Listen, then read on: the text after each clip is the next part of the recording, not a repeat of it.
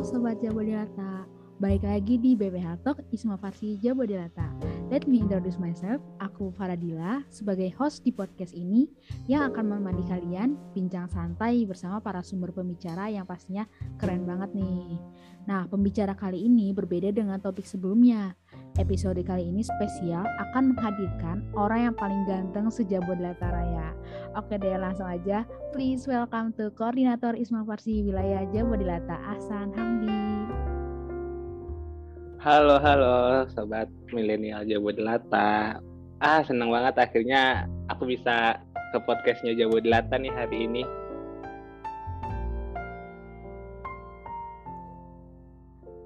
Oke, thank you banget nih udah meluangkan waktunya buat hadir dan bincang santai sama Sobat Jawa Delata.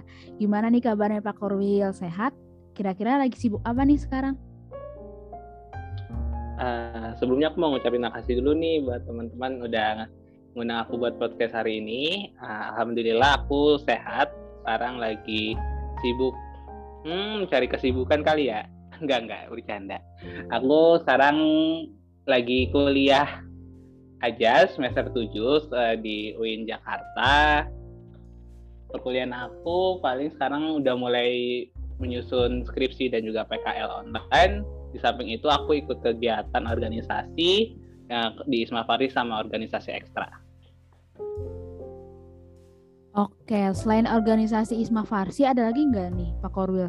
Organisasi yang diikutin sama Pak Korwil sendiri?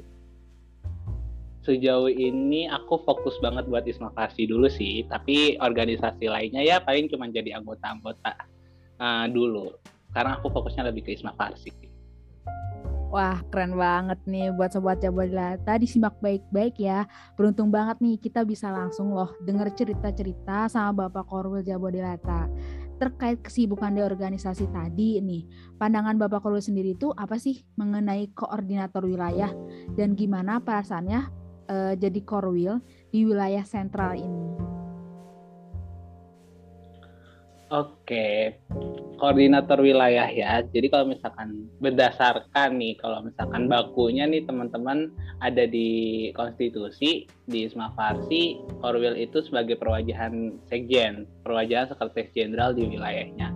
Selain itu, Korwil juga uh, yang menjadi pemimpin di wilayah tersebut, yang punya hak buat uh, mengatur, jalannya kepengurusan kemudian uh, yang pastinya adalah kita harus sering-sering koordinasi sama setiap lem tapi bagi aku sendiri Korwil itu secara spesifik bisa aku bilang adalah uh, kawah chandra di muka aku untuk melatih diri aku jadi pemimpin yang lebih baik dan bisa menghasilkan pemimpin selanjutnya yang lebih baik lagi. Kalau menurut aku itu. Oke, keren banget nih. Oke, satu pertanyaan tadi yang belum dijawab. Perasaannya jadi korwil di wilayah sentral. Seperti apa sih? Perasaannya jadi korwil di wilayah sentral mantep banget sih, mantep.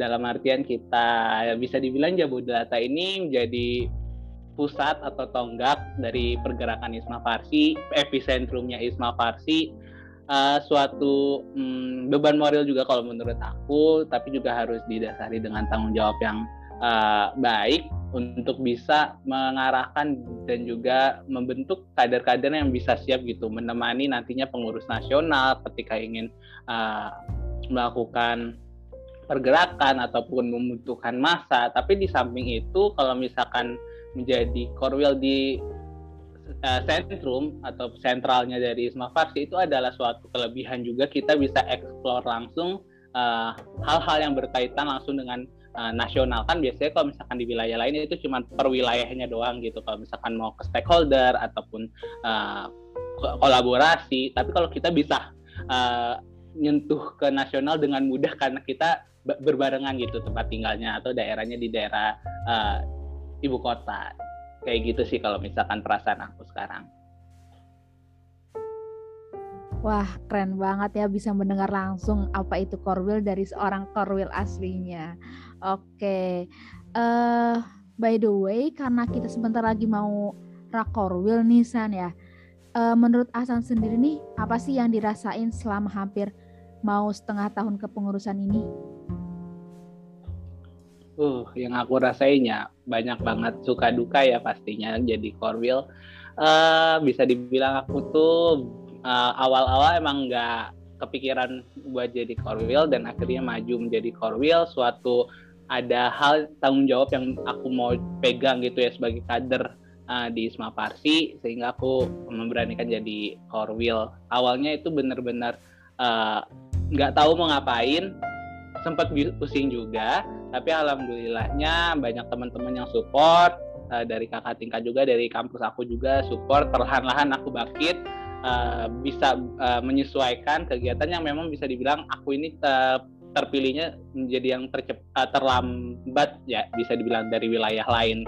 Jadi aku runningnya harus lebih uh, cepat gitu lebih ekstra. Dan untungnya aku dapat uh, pengurus-pengurus aku di wilayah yang keren banget dan bisa bantu menyeimbangkan sehingga sekarang ini kita udah mau rakorwil udah menyesuaikan sama wilayah lain. Bahkan uh, aku bisa bilang progresnya keren banget. Dan itu yang jadi suka aku di uh, di Jabodetabek sekarang ini jadi ke Korwil karena punya orang-orang di sekitar aku yang keren banget kerjanya. Yang udah jadi bagian dari Isma Parsi pasti tahu dong uh, apa yang aku maksud ya. Nah yang belum merasakan belum cukup ruang obrolan ini buat kita gambarin semuanya. Jadi harus lebih ekstra ruang nih kita buat ngobrol waduh berata berat banget ya sampai-sampai nggak cukup ruang obrolannya buat gambarin Isma Farsi. Sebelumnya, karena sempat disinggung juga nih, Korwi itu kan bagian dari Isma Farsi nasional dan wilayah. Nah, kapan sih harus menyesuaikan job desk sebagai pengurus di nasional dan sebagai pengurus di wilayah?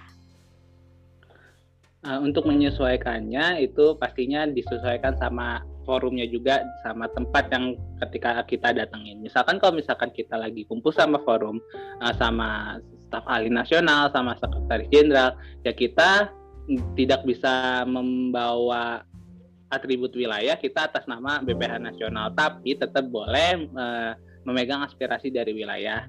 Uh, ini juga ada di alur koordinasi kita kalau misalkan aspirasi yang diberikan lem itu bisa disampaikan uh, oleh eh, kepada sekjen melalui korwil. Nah sebaliknya ketika aku jadi pengurus wilayah, otomatis aku harus menjadi uh, pelindung juga, menjadi orang yang bertanggung jawab di wilayah, termasuk ketika aku harus koordinasiin ke uh, SKS aku, ke lem-lem di Jabodetabek itu uh, menjadi tanggung jawabku dan nggak bisa diintervensi sama pengurus nasional. Jadi aku bisa dibilang uh, du, ada di dua apa ya di, du, di du, dua dunia kali ya. Jadi aku melindungi dari uh, melindungi wilayah dari intervensi nasional, tapi aku juga harus men, uh, menjadikan diri aku sebagai pengurus nasional atas nama wilayah. Ada ribet jadi jelasinya kayaknya uh, next kita bisa ngobrol lagi kali ya untuk bahas ini lebih jelasnya. Oke, siap siap siap. Mungkin buat sobat Jabodelata nih yang pengen bener-bener PDKT sama organisasi Isma Farsi nih, boleh ya menghubungi uh, Bapak Korwil ini? Boleh banget dong. Oke. Hmm, aku masih ada pertanyaan nih. Dan ini paling ditunggu-tunggu nih sama semua SA, terutama aku juga uh, untuk SA Jabodelata ya. Uh, Sebenarnya gimana sih rasanya menghadapi atau apa ya dikelilingi 9 SA yang semuanya itu ada Sri Kandi gitu. Boleh dong diceritain secara jujur dan dari hati yang paling dalam.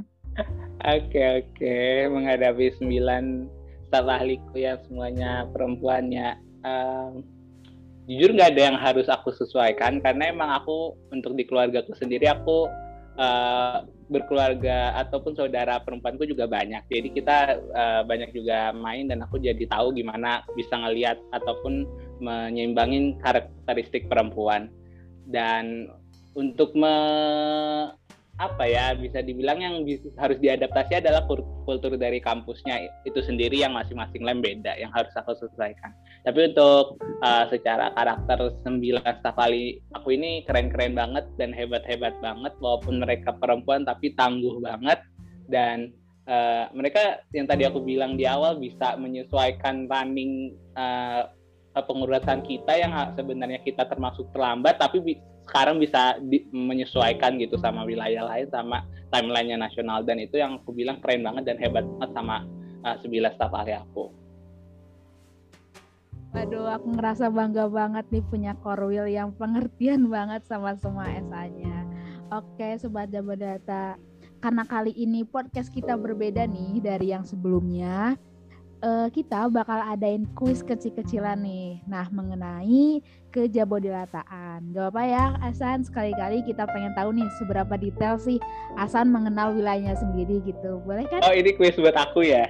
iya, boleh-boleh nih. Aduh, oke, okay, oke. Okay. Kita coba ya. Oke, dimulai ya dari yang pertama nih. Ini random aja sih sebenarnya. Oke, pertanyaannya itu adalah uh, coba tolong sebutin anggota Lem Isma Farsi Jabodilata yang ada di daerah Jakarta. Nah, itu tuh apa aja? Uh, mantap, mantap. Yang ada di Jakarta ya. Iya. Aku sebutin ya. Oke. Okay. Uh, eh, ada Universitas Esa Unggul yang sekarang baru menjadi anggota Meduh nih di daerah Jakarta Barat. Kemudian ada temennya ISTA, Institut Sains dan Teknologi Al-Kamal di Jakarta Barat juga Terus ada ISTN, Institut Sains dan Teknologi Nasional di Jakarta Selatan, itu sampingan juga sama Universitas Pancasila. Uh, kemudian di Jakarta Timur ada UHAMKA, kemudian di Jakarta Utara itu ada Universitas Atmajaya atau Unika Atmajaya dan juga ada UTAM 45 Jakarta. Gimana bener gak ya? Harusnya bener sih. Oke, okay, bener banget. Wah detail banget ya ngejelasinnya sampai UP sama apa tadi tuh? Yang bersebelahan aja sampai tahu sama banget ya. Kebetulan sebenarnya deretan itu ISTN, UP sama uh, eh, UI Universitas Indonesia, cuman UI-nya di Depok. Oke, keren banget nih. Alhamdulillah ternyata bener ya. Oke, kita lanjut ya ke pertanyaan kedua. Uh, kedua dan terakhir sih sebenarnya. Jadi okay, okay. aku minta tolong dong sebutin semua nama ketua lem yang masuk anggota Isma Farsi Jabodelata. Uh, mantep banget. Mungkin ini buat ini juga nih buat teman-teman yang mau lebih tahu tentang Isma Farsi ya khususnya di Jabodelata harus hafal nih nama-nama kalemnya. Harus Jadi kalau misalkan di Isma Farsi kita ada 13 lem yang udah bergabung di jadi anggota. Uh, pertama dari kampus aku dulu deh UIN Jakarta ada teman aku Rehan Diva. Kemudian dari Universitas Pancasila ada Felicia, dari ISTN ada Faris, kemudian dari ISTA itu ada Kak Zauha, ada Zauha Rotul, kemudian dari Universitas Esa Unggul ada Anissa, dari UHAMKA sekarang baru nih baru terpilih juga ada Rehan, kemudian dari UTA 45 Jakarta ada Lulu Karina, dari uh, Atma Jaya ada Virginia, dari UI ada Hiban, dari Estetis Bogor ada Isan, sama dari Pakuan Bogor ada uh, Dean dan dari teman kita nih yang jauh di mata tapi dekat di hati di Lampung ada Universitas Tulang Bawang itu ada uh, Galih kalemnya. Dari Stikes Bani Saleh ada uh, Adelia, cuman kemarin itu aku dapat infonya udah mulai uh, pergantian kepengurusan dan sekarang uh, jadi Hani. Oke, berarti lengkap ya udah nih semua. Namanya Sobat Jabodelata, quiz ini tuh random ya, nggak ada di script sebelumnya juga. Berarti Asan ini udah memenuhi kriteria banget nih buat jadi koordinator wilayah. Hmm, Oke, okay. sebelum menutup perjumpaan kita kali ini, aku persilahkan kepada Bapak Korwil untuk memberikan secercik motivasi atau wejangan, terutama buat kader-kader Jabodelata nih. Uh, mantep banget ini aku jadi bingung sendiri. Rasanya aku belum apa-apa juga ya jadi kita sama-sama belajar aja. Tapi aku harapin sama teman-teman kader Jabu antusiasnya harus lebih baik lagi. Kemudian kecintaan dan juga kepedulian terhadap Isma Farsi harus lebih bagus lagi. Kita epicentrum yang tadi udah aku bilang diharapkan juga sama nasional uh, bisa dibilang diharapkan lebih juga biar kita bisa bantu gitu teman-teman dari pengurus nasional. Dan uh, silakan explore terus apa pun itu kegiatan-kegiatannya. Aku nggak menspesifikkan ataupun melimitasi uh, kader-kader buat hanya untuk organisasi di Isma Farsi tapi uh, dengan teman-teman ataupun kader di Jabo mengeksplor mengeksplor dirinya uh, di organisasi itu bisa meningkatkan hard skill dan juga soft skill dari kader itu sendiri dan itu yang aku harapin karena uh, aku menanamkan diri aku kalau misalkan aku jadi korwil aku harus siap juga me um, menghasilkan atau melahirkan pemimpin selanjutnya yang lebih baik dari aku. Insya Allah ya. Duh, mantep banget ya kisi-kisi dari Bapak Korwil kita kali ini. Tapi sayangnya nih, kita sudah masuk ke sesi terakhir nih Sobat Jabodelata. Pokoknya masih banyak kegiatan seru lainnya yang akan kita bawain di podcast Isma Farsi Jabodelata. Nah, buat Sobat, Sobat Jabodelata juga, jika ada hal-hal yang ingin ditanyakan, boleh nih kita ngobrol dan diskusi bareng ya sama Bapak Korwil Ahsan Hamdi ini. Buat kalian. Iya, betul. Oke. Okay Bener banget. Silakan, ayo kita uh, sharing-sharing, saling ngobrol dan diskusi teman-teman. Oke deh, siap. Tapi tetap prot ikuti protokol kesehatan ya.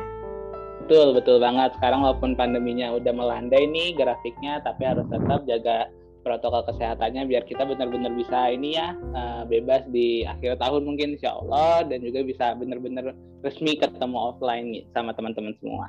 Amin, amin ya robbal alamin. Oke deh, buat kalian wajib banget nih pantengin juga ya uh, sosial media Isma Farsi Jabodelata biar gak ada ketinggalan nih info menarik dari Jabodelata. Oke, sekali lagi terima kasih untuk Bapak Korul Asanamdi yang paling ganteng nih punya untuk mengisi podcast Jabodelata kali ini. Akhirul kalam ngajakin rapat bareng Tias Mirasi cukup sekian. Terima kasih. See you.